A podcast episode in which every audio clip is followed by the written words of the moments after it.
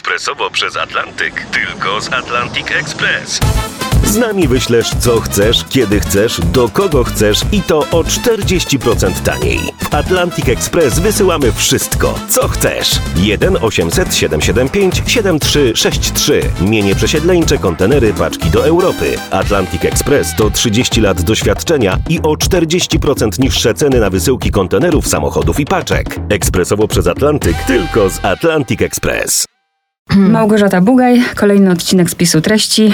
I zawsze zaznaczam, kiedy ktoś jest u mnie po raz pierwszy, a po raz pierwszy jest u mnie Iwona Boruszkowska. Cześć, dzień dobry. Cześć, cześć, dzień dobry Państwu. Tłumaczka, na co dzień pracujesz na ujocie. Tak. Nim dojrzeją maliny, książka Eugenii Kuzniecowej. Zanim o książce, to parę słów o ym, tej pisarce, bo to jest jej debiut powieściowy. Tak, tak, jest to debiut y, prozatorski młodej dość osoby piszącej. E, Autorka ma w tym momencie chyba 35 lat, jeżeli się nie mylę. E, Jest też e, przedstawicielką ukraińskich pisarzy, pisarek tworzących na emigracji, bo mieszka w Hiszpanii. Jest to faktycznie jej debiut prozatorski. Jest to jej pierwsza wydana e, powieść, ale wcześniej autorka pisała różne rzeczy, bo jest też naukowczynią mm, i wydawała książki naukowe i pisała artykuły naukowe, ale też jest autorką bardzo ciekawego projektu, którego tytuł można by przetłumaczyć Gotowanie w żałobie, Hotujemy w żurbi w oryginale. Jest to taki projekt e, książki, która była w zasadzie jej pierwszą książką. E, Projekt, e, hmm, który zrobiła razem z ukraińskimi ilustratorami, ilustratorkami, gdzie zebrała różnego rodzaju kulinarne tradycje z różnych regionów Ukrainy, związane właśnie z pożegnaniem, żałobą, tego rodzaju elementami doświadczenia. I zilustrowali je naprawdę wspaniali artyści. Tylko tamta książka nie ukazała się w naszym języku. To Nie. jest jedyna. E, Na razie. Na razie, tak. Tak, na razie trzeba to dodać. No i też to, że zresztą mamy tutaj ładny znaczek piękny na okładce, wyróżnienie Europejskiej Nagrody Literackiej.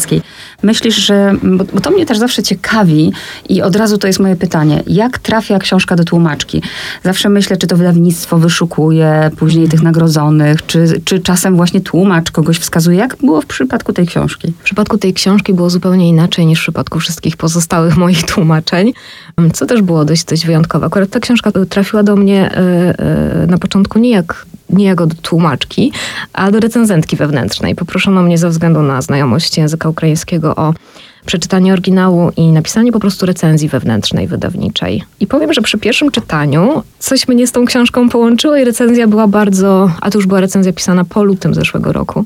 Bardzo mi zależało na tej książce, ale nie pomyślałam sobie wtedy nawet, że mogłabym ją przetłumaczyć. Po prostu zrobiłam to, o co mnie poproszono, to znaczy napisałam recenzję wnikliwą, zestawiającą tę książkę z innymi polskimi nie tylko pozycjami na rynku.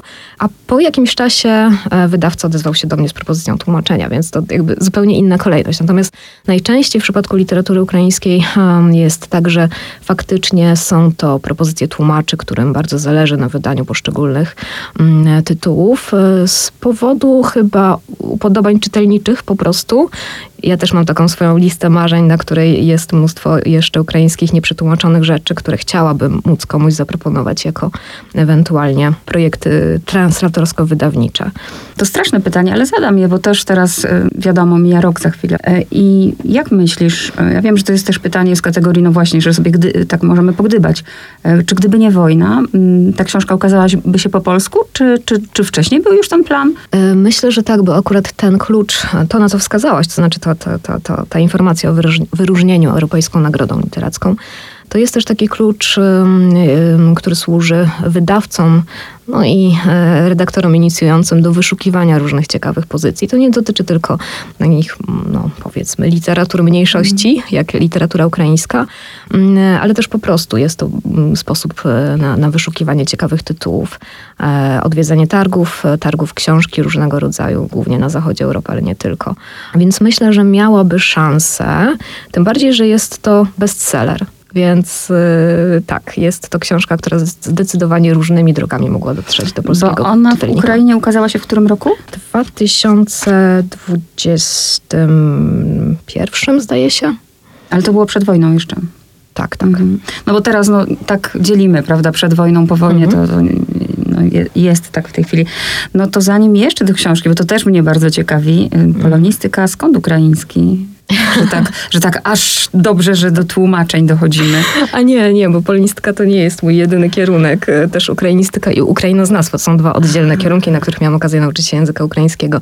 Mm, e, A poza tym tłumaczę już chyba od 15 lat, jeżeli dobrze liczę. A ja uwielbiam wracać do takiego czegoś, to już po prostu podpytuję, jak możesz, to mów, jak nie, to Mm. powiedz basta. E, czy, bo to, to mnie zawsze ciekawi, czy na przykład jak już byłaś w liceum, to już wiedziałaś, że taka będzie twoja droga, czy... czy... Nie, absolutnie nie. Jak się jest w liceum, to chyba się jeszcze nic nie wie. Niektórzy Chociaż planują, Niektórzy no. może tak, e, a ja nie należę do takich osób chyba, które Ale czyli planować. zaczynałaś od ukrainistyki właśnie? Nie, zaczynałam od polonistyki, to był zawsze mój pierwszy kierunek, ale po drodze było jeszcze mm, sporo różnych innych kierunków, między innymi właśnie filologia ukraińska i ukrainoznawstwo, kierunek na kulturoznawstwie. No i przede wszystkim podróże do Ukrainy. Mhm. Czyli jak trafia, bo to od razu jest pytanie o to, jak się y, stałaś tłumaczką. Jak trafiła pierwsza książka, jak to było? Na początku nie, długo nie było książek. Były opowiadania, wiersze. To też była rzecz, która w jakiś sposób pozwalała mi się realizować. To znaczy tłumaczenie wierszy. Jest niewielu tłumaczy, którzy tłumaczą ukraińską poezję. Ja akurat miałam okazję przez dość długi czas funkcjonować w ich gronie. E, Był wspaniały projekt e, realizowany w- Willi Decjusza w Krakowie, trójjęzyczny magazyn Radar, przy którym jeszcze jako no, jeszcze jako studentka miałam okazję pracować i poznać wtedy wspaniałych ukraińskich, e, niemieckich, polskich też pisarzy, tłumaczy. Były w międzyczasie też seminaria translatologiczne dla tłumaczy języków wschodniosłowiańskich organizowane przez Kolegium Europy Wschodniej we Wrocławiu, a potem już e, w Wojnowicach. E, Było mnóstwo różnych przygód e, i też e, projekty tłumaczeniowe, już takie e, zakończone wydaniem książki, między innymi lwowskiej sagi Petra Jacenki w wydawnictwie Warstwy. Ale nie tylko. Teraz, drodzy słuchacze, już przechodzimy do, do książki. Wiemy co nieco na temat Eugenii Kuzniecowej. Młoda dziewczyna, zresztą jest jej zdjęcie. Y, Byłam zaskoczona, przyznaję szczerze, że aż y, tak młoda jest y, właśnie Eugenia, piękna dziewczyna. Najpierw zawsze mówię o wrażeniach, jakie miałam, jakie mam przy czytaniu tej książki. To wrażenie było takie dziwne może, mm, ponieważ ja jestem fanką, miłośniczką. Mówię, mówię szczerze od razu, jakie pierwsze było, nie? Czytam tę książkę, czytam i ponieważ jestem fanką filmów Woody'ego Allena, nagle się poczułam jak w jego filmie Wrzesień. Nie wiem, czy, czy lubisz Woody Allena, albo czy, czy drodzy słuchacze, wy może nie wiecie, o czym mówię, ale ktoś, kto lubi Woody'ego Allena, to od razu skojarzy, o co mi chodzi. Tam też jest dom, e, tam też ten dom jest właśnie schronieniem, tam też e, mamy kilkoro bohaterów. E, Dom jest jednym z bohaterów i też ta akcja jest taka, ja wiem, że Woody, który się fascynuje Czechowem, nawiązał, nawiązał świadomie tym filmem do Czechowa, gdzie niby nic się nie dzieje, niby wszystko się dzieje w tych dialogach, jest tak właśnie poetycko, e, jest tak sensualnie, a dzieje się bardzo dużo. I to było moje pierwsze, pierwsze wrażenie. Twoje? Tak, myślę, że to jest bardzo dobre wrażenie, bo faktycznie można by było powiedzieć, że w, na poziomie fabuły niewiele się dzieje. To też nie do końca tak, ale, ale faktycznie dużo się rozgrywa w takiej niespieszności i, e, i, i bardzo pracuje przestrzeń w tej powieści. E, więc podzielam to wrażenie, ale strasznie spodobał mi się, spodobały mi się takie różne absurdalne momenty, kiedy e, bohaterki mają e, śmieszne, ale tak naprawdę gorzkie w swojej wymowie przygody. Humor jest niesamowity w tej książce, jak, jak, jakiś taki rodzaj lekkości, przekomarzania się w obrębie rodziny, tak, bo jest to historia, chyba jest to w zasadzie taka dość krótka, chociaż 300 stron, ale saga rodzinna, tak. Mamy takie skojarzenie, że saga jest wielotomowym utworem, a tu autorce udało się przedstawić pokoleń, e, historię pokoleń czterech w zasadzie pokoleń kobiet na 300 stronach i to naprawdę ciekawy, fajny sposób. Już to powiedziałaś, my jeszcze to podrążymy później, ten humor, bo to jest znak rozpoznawczy i ironia, z którą dzisiaj w ogóle y, jest kłopot i o tym też porozmawiamy. Ale najpierw bym ciebie prosiła, bo to jest taka też potrzeba naturalna. Coraz bardziej rozumiem autorów, dlaczego to nie jest ich potrzebą, ale ja też dostaję to pytanie. Czytam książkę o czym? To może nie mówmy o czym, a przedstawmy bohaterki tej książki. No to powiemy jednocześnie o czym, bo to jest historia tych kobiet, tak? No, Tak po prostu je przedstawmy pokrótce, że mamy dwie siostry i kuzynkę. Mamy przede wszystkim dom, w którym one się wszystkie spotykają. Dom należący do babci Teodory, do babci Teo, najstarszej przedstawicielki no, ro, rodziny. No i mamy córkę, mamy wnuczki i mamy też dziewczynkę z czwartego pokolenia, która nie jest z niej spokrewniona, ale jednak zostaje przyjęta do tej rodziny. Wspaniałe miejsce w trakcie wiem, trzech miesięcy letnich, e, do którego dziewczyny Mijeczka i e, Lilka przyjeżdżają, wnuczki babci Teodory przyjeżdżają. W zasadzie jak do schronienia, bo ten dom jest, jest takim, ten stary dom babci Teodory jest takim dla nich schronieniem i przyjeżdżają e, w lecie, żeby trochę się ze sobą poukładać i zdecydować o tym, w którą stronę ma pójść ich życie. I mają tak, taką bezpieczną przestrzeń właśnie w tym domu, gdzie poniekąd wracają do, do tego, co pamiętają ze swojego dzieciństwa, e, do takiej bardzo bliskiej relacji z babcią Teodorą. Przyjeżdża też ich matka, która podróżuje po różnych częściach Europy. Przyjeżdża ich e, dawno niewidziana kuzynka Marta, która okazuje się być w ciąży. Z bliźniakami? Z bliźniakami. Ja w sumie przez dość długą część książki nie wiadomo z kim, bo Marta nie chce powiedzieć, tak. ale tak. No i tak mijają te, te letnie dni, w trakcie których e, e, Lilka i Mika, to jest zdrobnienie Cołomija, imię głównej bohaterki, zastanawiają się, w którą stronę pójść. Wiem, że, skądś to wiem, gdzieś wysłyszałam pewnie, bo nie czytam w oryginale przecież, że tytuł y, oryginalny jest inny. Tak, tytuł oryginalny to Spytaj tę Mijeczku, czyli zapytajcie Mijkę, właśnie e, główną bohaterkę. I związany jest z jedną ze scen, która rozgrywa się już pod koniec e, powieści, ale wydawca, porozumienie oczywiście z autorką zdecydowali że e, zdecydowali o zmianie tytułu Nim dojrzeją maliny. To jest też taki tytuł, który po pierwsze e, związany jest z przestrzenią, bo, bo ten dom, którym, do którego przyjeżdżają dziewczyny, on jest takim starym, drewnianym domem na ukraińskiej wsi, porośniętym różnymi chaszczami, krzakami, między innymi malinami. No i dziewczyny tam spędzają na tarasie tego domu, który zresztą w jakiś sposób próbują remontować też, żeby ocalić tę przestrzeń przed ruiną. Na tarasie tego domu spędzają długie letnie wieczory, piją wino, zrywają właśnie te dojrzałe maliny z krzaków, sadzą dynie i tak dalej, i tak.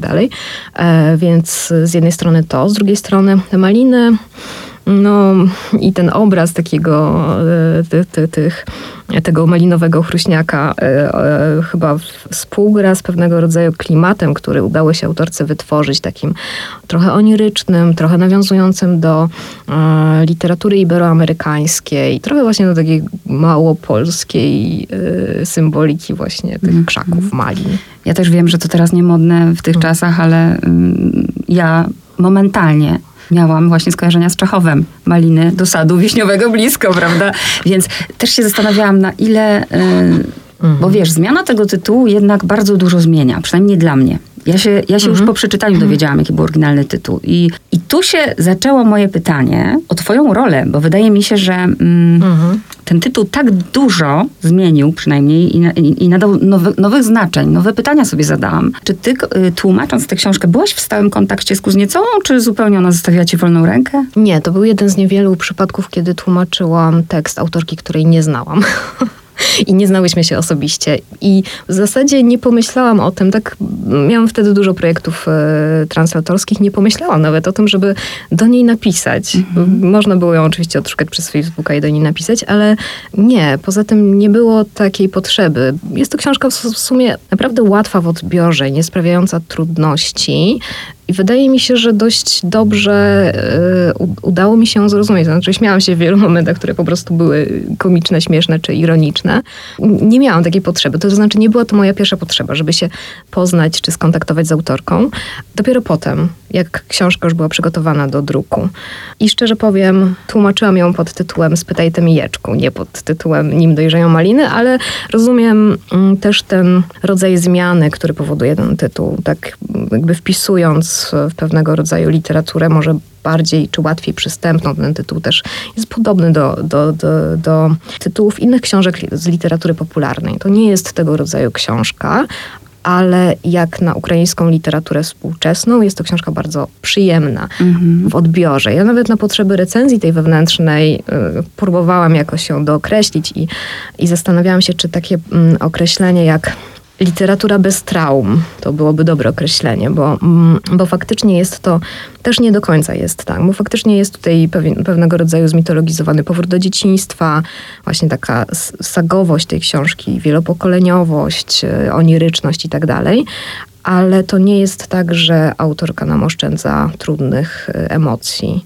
Może nie będę spoilerować, Mhm. ale pewne których rzeczy tematów trzeba... dotkniemy na pewno nie, e, tam pobieżnie.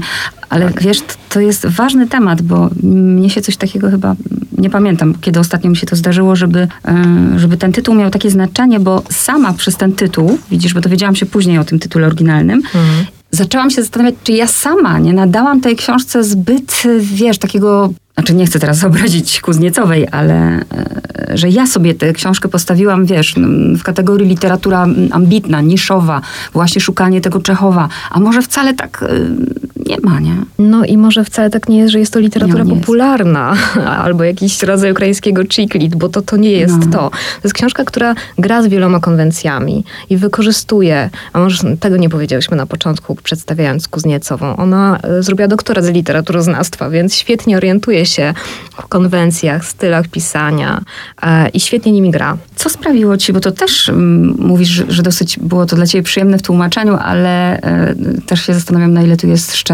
przypadek, chociaż cały czas twierdzę, że nie ma przypadków, bo zobacz, gdybyś nie miała podobnego poczucia humoru, a to jest czarny humor, naprawdę. Taki Tak, jest to czarny humor. Tak. Nie każdy ma czarny humor. Tak. E, I wtedy byłby problem. Więc popatrz, ile, nie wiem, przypadek, szczęście, przeznaczenie. Myślę, że to nie przypadek, chociaż myślę, że, że, że byłam idealną tłumaczką tej książki, nieskromnie powiedziawszy. Ja też w swojej pracy badawczej zajmuję się takimi tematami jak choroba, trauma, żałoba, więc y, czarny humor pojawia się po prostu w tekstach, które badam. I jest mi raczej bliższym rodzajem humoru, ale też y, zresztą widać to po projektach, innych projektach artystycznych Kuzniecowej. Właśnie ta książka o gotowaniu, żałobie też mm, jakby z badawczego punktu widzenia bardzo mnie interesowała. Więc może nie przypadek. Bo ktoś, kto. I to też nie jest zarzut. Ja tu, drodzy słuchacze, naprawdę, broń Boże, to nie jest zarzut, bo każdy ma prawo mieć swoje poczucie humoru i bardzo różne, ale myślałam o tych, którzy właśnie nie mają tego czarnego poczucia humoru, to w pewnych momentach mogliby czuć taką obrazoburczość, prawda, że takie, takie nawet oburzenie. Mhm. Tak, i w- tak, wydaje mi się, że jest kilka takich momentów, kiedy czytelnik, czytelniczka mogą być w jakiś sposób e, tak, Dotknięci, dotknięci tak, tak, tak, zniesmaczeni. Zresztą to nie dotyczy tylko czarnego humoru, ale takich innych elementów, Tak. ale mm, czy kontrowersyjnych y, poglądów Tak. babci Teodory, ale autorka to równoważy też pewnego rodzaju refleksyjnością, mm, onirycznymi opisami, no, podróżą jednej z bohaterek. y, e, także jest to idealnie wyważona narracja, łącząca różne konwencje. Drodzy słuchacze, drogie słuchaczki, mm, otwarta głowa to podstawa i dystans. Nie? Mm. Już, no, to, to jest bardzo ważne, żeby zasiąść do tej książki w ten sposób. Gdyby tak porozmawiać tematycznie, to ta książka naprawdę dotyka wielu y, tematów, ale cały czas się uchwyciłam tej wojny, może dlatego, że ta rocznica jest i czy się ze mną zgodzisz, że ta wojna mm, nadała nowy kontekst, nie? Bo właśnie próbuję dojść do tego, kiedy ta książka była pisana, jaki miała nastrój autorka, y, jakie były nastroje właśnie już tego typu, bo przecież gdyby ta książka powstała 5 lat temu, to nie pomyślałabym o kategorii y, domu właśnie w tym kontekście schronienia i Ukrainy. Mhm. Tak, chociaż nie. Bo nam się wydaje, że ta wojna zaczęła się w zeszłym roku, a tak wcale nie jest. Ona trwa już od wielu lat e, i to jest bardzo silne mm, wewnętrzne doświadczenie Ukraińców, których naprawdę wiele tysięcy osób musiało ze wschodu Ukrainy wyjechać, głównie na zachód Ukrainy, ale nie tylko. I widać, że to doświadczenie ucieczki przed wojną, doświadczenie uchodźstwa, utraty wszystkiego, dorobku całego życia i po prostu swojego miejsca, domu, jest głęboko zakorzenione w takim no, teraz, dzisiejszym doświadczeniu e, wielu Ukraińców. No a od roku faktycznie zupełnie inaczej tego rodzaju narracje można odbierać. Zresztą sama e, autorka jest też uchodźczynią w jakimś tam sensie, chociaż e, myślę, że no, w zupełnie inny, innej pozycji emigranckiej może się postawić, bo miała okazję wyjechać i realizować się też zawodowo po prostu w Hiszpanii. Ale tak, zresztą jest taki, takie jedno zdanie, które pewnie inaczej trochę przełożyłam, nie- może spróbuję je sparafrazować. Autorka pisze, że życie nie zawsze da się przeżyć takie, jakim ono jest i że czasem trzeba się przed nim ukryć. I gdyby wczytać się w jakiś taki może głębszy sens tego zdania, mm, to faktycznie jest to książka o ucieczce. Tu szczęśliwie bohaterki mają dokąd uciec, mają ze swojego życia, tak, takiego codziennego, mają to miejsce, mają ten dom babci Teodory, który chyba właśnie takiego mm, znaczenia symbolicznego nabiera w kontekście polityczno-społecznym. To, co mnie zaskoczyło, bo ta ucieczka jest oczywiście wielowymiarowa, Mhm. na pewno nie dotkniemy wszystkiego. Babcia Teodora ponad 90, tam chyba 96 lat, Mhm. więc ona jest jaka jest i to mnie nie zdziwiło. Zdziwiło mnie to, że wnuczki, czy Marta, kuzynka, one są tak nowoczesne, Mhm. kiedy wyszły z takiego domu, kiedy miały taką matkę, bo wyraźnie, kiedy matka z babką rozmawiają, Mhm. to one mają jakby wspólne doświadczenie. My nie musimy już tutaj dokładnie zdradzać, prawda, jakie Mhm. i tak dalej. To też mnie zdziwiło, że, że te dziewczyny są na tyle nowoczesne i wyzwolone. Mhm. No tak, a jakie miały być, jeżeli do- dojrzewały w domu, w którym miały przestrzeń do tego, żeby się rozwijać i do tego, żeby popełniać swoje błędy i e, zresztą i mama i babcia mówią im, no jak chcecie, tak? Ja powiem swoje, ale i tak zrobicie jak chcecie, tak? Dawały im przestrzeń na to, żeby, żeby sprawdzały kim są, żeby mogły wyjeżdżać, kształcić się i tak dalej. I to jest taki piękny rodzaj przestrzeni, który właśnie w takim domu, e, jaki opisała Kuzniecowa, się wytwarza. Cudownie, że skorzystały, bo myślę o sobie, gdybym usłyszała, zresztą nieraz usłyszałam, ale zrób jak zechcesz, a i tak robiłam tak, jak byłam zaprogramowana. Bo to, bo to jest, wchodzimy w taki do, dosyć trudny obszar, także za, zaimponowały mi te dziewczyny, mogę powiedzieć. Z, znowu, ktoś z boku, weźmy sobie taką Lilkę, która mm, szuka tego potwierdzenia, nie wiem, akceptacji u, u mężczyzn, a może zupełnie nie szuka akceptacji, tylko s, sprawdza, co jej pasuje. Jak o Lilce byś powiedziała? Że szuka miłości. A ja od razu bada. Ci, ci mężczyźni w, w tej książce są jacyś tacy niemęscy. An, kategoria męskości ostatnio przychodzi tak, taki dość duży kryzys i jakby nie, nie starczy chyba audycji, gdybyśmy zaczęły o tym rozmawiać, ale faktycznie jest to książka o kobietach i o, ym, o sile kobiet, o tym, w jaki sposób e, właśnie w tej jednej przestrzeni mogą funkcjonować e, na równi obok siebie kobiety, które mają bardzo różny, odmienny stosunek do typowo kobiecych e, elementów doświadczenia, takich jak macierzyństwo. Tak? Jedna chce dzieci, inna nie chce, jedna ma dziecko wyobrażone, innej się trafiają dzieci i tak dalej, i tak dalej. A ci mężczyźni, którzy się tam pojawiają, faktycznie to są najbardziej ko- komiczne postaci stworzone Komiczne. przez e, Kuzniecową. Tak, bardzo takie e, silne, wyraźne e, ty, ty, typy męskie, można by było powiedzieć, ale to tak, ten komizm był tu konieczny, żeby pokazać też chyba w jaki sposób, na czym polega to, to, ta, ta trudność w tych relacjach. Chociaż jak y, Iwana tutaj, to enigmatycznie mówię tylko, żeby was zachęcić do zajrzenia do tej książki, to Iwan wydał mi się, na początku było mi go bardzo żal, ale później mm, wręcz czułam złość, pomyślałam, niezły cwaniak. Em, tak, tak. W tym momencie, kiedy zostawił Lusię, to tak, zdecydowanie nie, nie, no, nie mógł już e, uzyskać mojej sympatii jako czytelniczki. No, widzicie, mam nadzieję, że to was zachęci. Co z tą ironią jest nie tak dzisiaj, mm, że też zawsze się ubezpieczam i przepraszam, żeby nie było, że wrzucam wszystkich do jednego worka, bo naprawdę nie. Ale jest kryzys rozczytywania ironii e, we współczesnym świecie, wśród młodych ludzi. Jak myślisz, z czego to wynika? Bo tej ironii tutaj jest naprawdę, i sarkazmu nawet, nawet bym powiedziała, jest, jest dużo. Ryzykowny zabieg, jak na te czasy. Może ryzykowny, bo faktycznie chyba jest tak, że coraz więcej osób nie czyta ironii, nie rozumie jej, nie widzi jej. Nie wiem, dlaczego tak jest. Myślę, że pewnego rodzaju ironiczne, czy tak, spojrzenie, czy ironiczne komentarze mogą po prostu wywoływać em, jakiś rodzaj no, nieprzyjemnych e, uczuć, tak? Są po prostu nieprzyjemne w odbiorze. E, bolą najzwyczajniej, a nie powinny, bo ironia ma zupełnie inną e, rolę. A czy- bardziej komiczna. Odchodząc teraz od książki, jesteś w ogóle w stanie odpowiedzieć na to pytanie, bo pracujesz z młodymi ludźmi. Nie, bo chyba nie chciałabym, żebyśmy zaczęły rozmawiać o poziomie edukacji Rozumiem. od klasy pierwszej do liceum. Rozumiem, bo, bo też, wiesz, zadałam sobie od razu pytanie, dla kogo to będzie książka? Mhm. To, bo to jest też ważne, nie? I też o tym zawsze mówię w spisie treści. To jest książka, dzisiaj miałam książkę, że powiedziałam, że to jest książka dla każdego, naprawdę.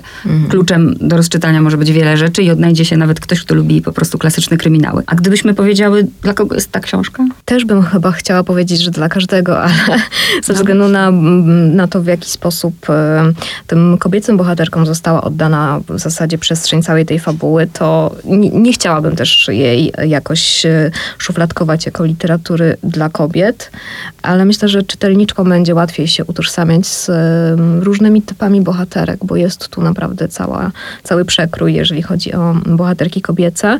Chciałabym też wierzyć, że, że czytelnicy, mężczyźni, może trochę młodsi, e, też mogliby sięgnąć po tego rodzaju książkę, chociażby po to, żeby się dowiedzieć, jak wyglądają przestrzenie i relacje w tych przestrzeniach po prostu w Ukrainie. Dużo się też, y, w ogóle dużo się w literaturze zmieniło i w ostatnich latach jednak te silne bohaterki niezależne, no mamy tego bardzo dużo, więc mamy kolejną książkę pokazującą te, te, te siły kobiet. Ja jeszcze pomyślałam o tym, że to może w jakiś sposób odstraszyć, znowu myślę o ogóle, proszę, napisanym w niezwykłej poetyce, którą można nazwać magizmem realistycznym. Realizmem magicznym powinno być. Wiem właśnie i dlatego jak, ale nie, zobacz. y, Tak, tak, tak, tu, tak, y, widzę. Mhm. Widzę, że może to jest celowe, bo ja też realizmem magicznym powinno być, ale skoro ktoś napisał Mhm. magizmem realistycznym, to mówię, dobra, to zrobił to jakoś celowo może, nie? I Mhm. próbowałam to rozczytać i nie umiałam się jeszcze. Nie, nie, faktycznie, bo jest taki, mm, jest taki po prostu nurt y, w ukraińskiej prozie, który mm, mniej więcej w latach, później w latach 60. XX wieku się lokuje e, i troszkę później też w latach 80. on powraca, gdzie pisarze ukraińscy, mm, e, Walerii Szewczuk między innymi, autor Domu na Wzgórzu, który jest przetłumaczony na język polski, te konwencje e, realizmu magicznego przerabia do pisania ukraińskiej prozy.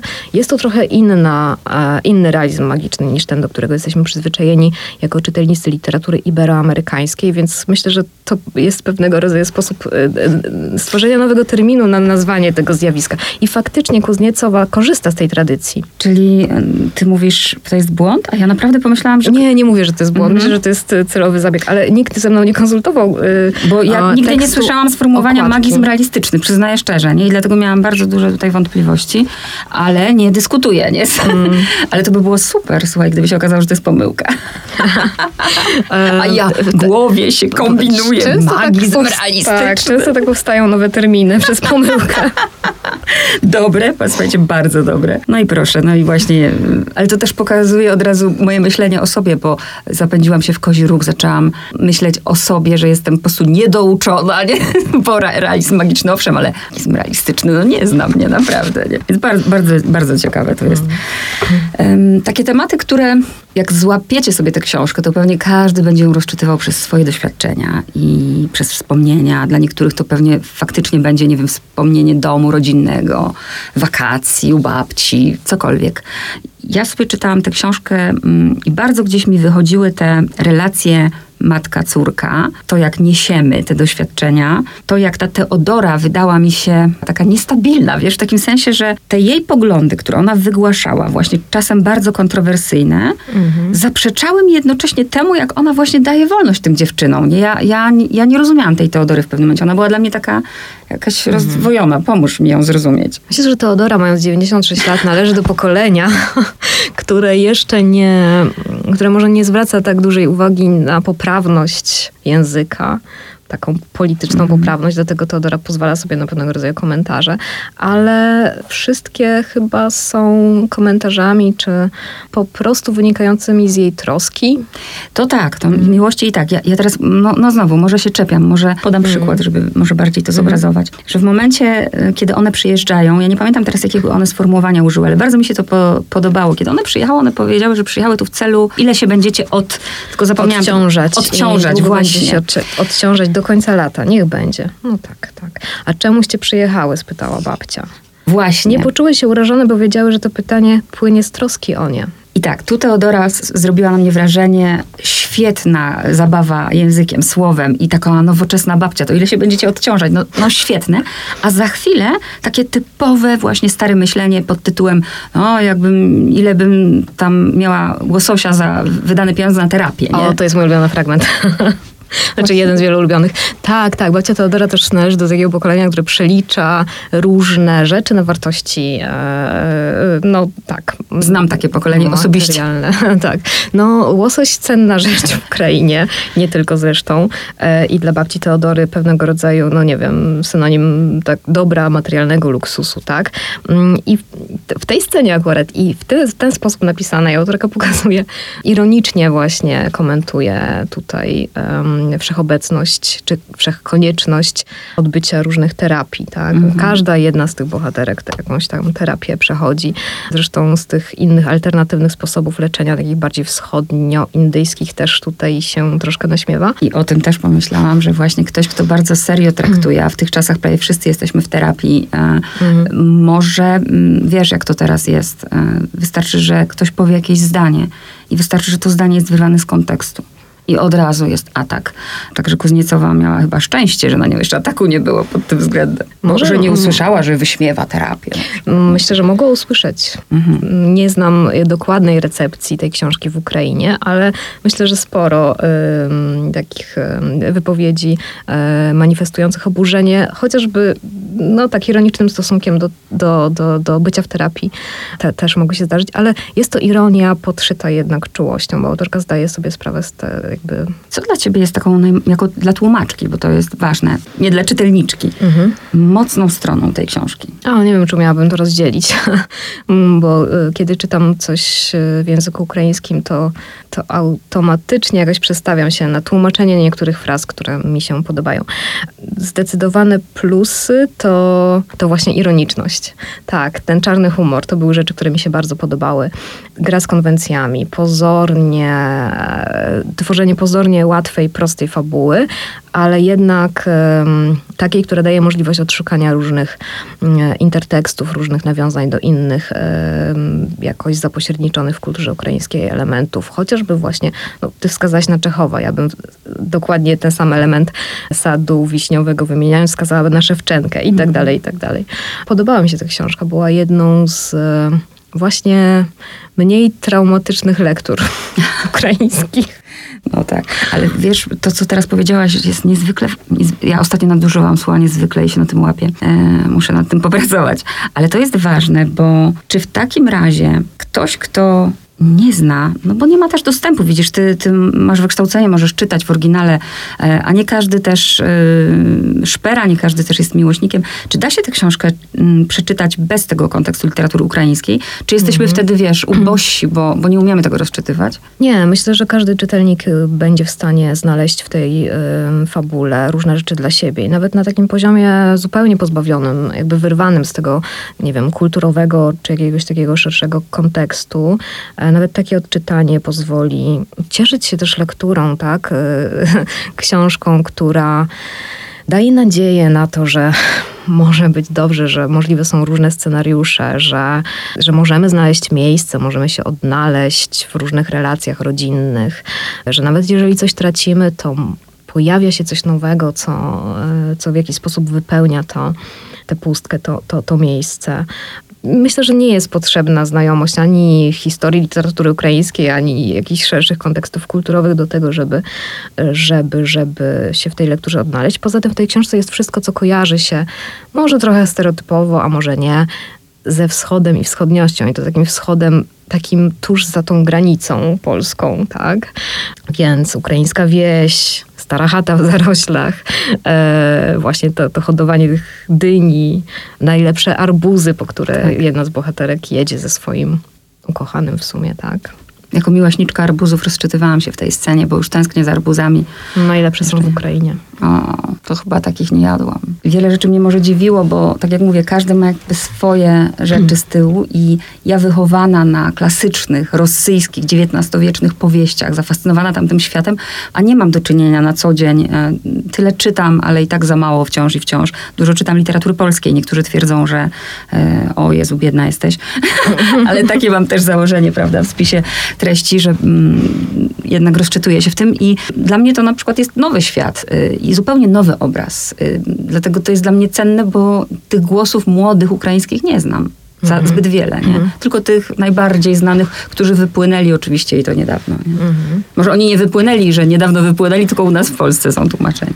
I to przez niszowe wydawnictwa jeszcze w dodatku. Tak, chociaż trochę się to zmienia w tym momencie. Niestety z powodu tragicznej sytuacji e, wojennej, ale widać e, coraz większe zainteresowanie i czytelników literaturą ukraińską, i różnych wydawnictw, czasopism. No ale niestety, gdyby Cezurą jest wojna, prawda? nie wybuchł wojny, to nie byłoby tak. Właśnie, nie byłoby tak. Która z, ze scen była dla ciebie, bo już chyba powiedziałaś o, o łososiu, a może jeszcze jakaś, którą szczególnie lubisz? Ciekawa jestem, czy się zidentyfikuje. Oj, ale to będzie specyficzna scena i nie mogę chyba Aha, bo będzie spoiler, tak? Tak, tak, bo to jest y, taki gwóźdź y, fabuły, nie mogę o tej scenie powiedzieć. Ale powiedziałaś e, o nadziei, bo rzeczywiście ta książka daje nadzieję. Już chciałam też zrobić spoiler, ale zatrzymam się pomimo czegoś. E, Daje nadzieję e, i, i też są symbole. Mm, Nie wiem, na ile to jest właśnie charakterystyczne, bo ostatnio e, w tej naszej młodej polskiej literaturze u Sebastiana Nowaka zobaczyłam coś, czego dawno nie widziałam w ogóle w polskiej literaturze, czyli e, konkretne symbole. I u niej też te symbole są, jak na przykład taras, chociażby, jak na przykład maliny, jak na przykład właśnie... Myślisz, że to jest charakterystyczne dla współczesnej literatury ukraińskiej, czy zupełnie mm. przypadkowe to jest? E, nie, myślę, że generalnie literatura ukraińska jest, e, operuje różnego rodzaju symbolami, odwołuje się do nich i ta symboliczność jest w moim odbiorze dużo większa i dużo silniejsza, jest takim stałym elementem raczej literatury ukraińskiej, tej no powiedzmy po 91 roku, niż w przypadku literatury polskiej, większa dużo. Ale to też chyba, no w sumie nie wiem z czym to jest związane, ale wydaje mi się, że, że jest to jakiś rodzaj nawiązania do, do, tej, e, do dziedzictwa ukraińskiego romantyzmu mocno symbolicznego. O, właśnie, tak. A czy ty potrafisz w ogóle jeszcze czytać książki? Bo jak powiedziałaś na początku, e, no powiedziałaś na początku coś takiego, że dostałaś to jako y, napisanie recenzji, prawda? Myślałaś napisać recenzję i, i zwróciłam uwagę, jak właśnie powiedziałaś, że szeroko rozczytałaś to kontekstami. Czy ty w ogóle potrafisz czytać książkę bez kontekstów? No właśnie niestety nie, ostatnio żaliłam się. Nie, nie umiem przeczytać książki dla przyjemności tak naprawdę, bez w oderwaniu zupełnym. Nawet y, czytam książki tak, że po prostu automatycznie moja ręka sięga po ołówek i notuję, zakreślam, zakładam różne kartki. Czyli taka naukowa już praca od razu. E, nie wiem, czy to jest naukowa, czy jakiś rodzaj krytyczno-literackiego rzemiosła, ale nie umiem się tego pozbyć, zwłaszcza ostatnio. Wcześniej było i trochę inaczej, ale tak. Bardzo mnie ciekawi na przykład, co masz napisane tutaj na tej stronie pod, pod, pod tytułem, jeśli możesz się podzielić. Nie, no zapisa- o, to zapisałam sobie na przykład to, żeby nie zapomnieć, bo w zeszłym tygodniu miała mm, miejsce premiera nowej książki mm, Kuzniecowej, e, zatytułowanej Drabina, tak przynajmniej przetłumaczyłabym tytuł i może wydawca akurat tym razem by go nie zmienił. Więc zapisałam sobie, że wydawnictwo Starego Lwa, lwowskie wydawnictwo, które też wydało um, Spytaj Temijeczku, em, właśnie podało informację o, mm, o tym, że się ukaże jeszcze się nie ukazała, jest w druku, ale się ukaże mm, nowa książka, nowa powieść e, Kuzniecowej. Też jestem jej bardzo ciekawa, bo myślę, że zresztą zawsze jest się ciekawym drugiej, drugiej książki. Moja myśl od razu biegnie w tę stronę, że zobacz, przed chwilą mówi, rozmawiałyśmy o wojnie, bo ta wojna jest. Dzisiaj zresztą w faktach alarmy, Biden. E, a tutaj wydawnictwo działa i drukuje się książka. Nie? Tak, to jest absolutnie niesamowite, jak e, to życie ukraińskie toczy się na wielu różnych poziomach, ale ono się tak toczy Tak jak od- ta książka. Tak, toczy się tak od stuleci. Zresztą historia literatury ukraińskiej pokazuje, że to właśnie zjawisko jest wielotorowa. E, inaczej można mówić o literaturze zachodnioukraińskiej, inaczej o tej literaturze tworzonej w Kijowie, wielonarodowym w sumie, bo to jest miasto, w którym w pewnym momencie tworzyli i rosyjscy, i polscy, i ukraińscy pisarze, opisując to miasto z różnych perspektyw i jakby bardzo często w sprzecznych obrazach je pokazując. I, i literatura wschodniej Ukrainy, literatura ukraińskiej diaspory, i tej w Europie, i tej w Kanadzie, i w tej Stanach. Także wielotorowość, tak, to jest chyba też taki element charakterystyczny dla kultury ukraińskiej. Jeszcze pomyślałam o jednym, że ta książka oprócz tego, że jest na wielu poziomach, to też e, ci bohaterowie, żebyśmy to powiedziały, to nie są tylko ukraińscy bohaterowie. Tutaj mamy wielokultur, wielokulturowość, tak można powiedzieć. I też się możemy od tych innych bohaterów wiele nauczyć. Tak, na przykład możemy zestawić swoje postrzeganie tego, kto jest obcy, kto jest właśnie człowiekiem z zewnątrz, mm, z tym jak bohaterowie Anglicy czy, czy, czy Hiszpanie mm, postrzegają em, Ukraińców, czy też jak są przez nich odbierani. Tak, jest to też. O, to są też właśnie takie, takie dość ciekawe, śmieszne, e, śmieszne sceny. To może jeszcze z, z tej trochę warsztatowej twojej pracy ciekawi mnie, bo do tego się też przyznaję, że jako młoda dziewczyna naprawdę nie zwracałam uwagi na to. Dzisiaj bardzo szanuję, y, nie zwracałam uwagi na tłumaczy. Zresztą ci tłumacze, no, jesteśmy z tego samego pokolenia, więc oni gdzieś tam zawsze byli w środeczku na, na końcu. E, Dzisiaj jest przekład Iwona Boruszkowska i to jest ważne, e, bo gdyby nie ty, nie dostalibyśmy tej książki do ręki i nie mogli jej tak czytać. Więc mam pytanie, jak, ty, jak wygląda twoja praca? Czy ty, wiesz, tłumaczysz w szale twórczym całe noce? E, Jak to wygląda tak technicznie? Jak zbliża się deadline, a ja zapomnę o tym, że miałam przetłumaczyć książkę, to tak, to tłumaczę nocami. Zresztą wśród tłumaczy jest taki, ta- taki żart właśnie, że jedyne okno palące się o trzeciej nad ranem to jest to mieszkanie, w którym pracuje tłumacz.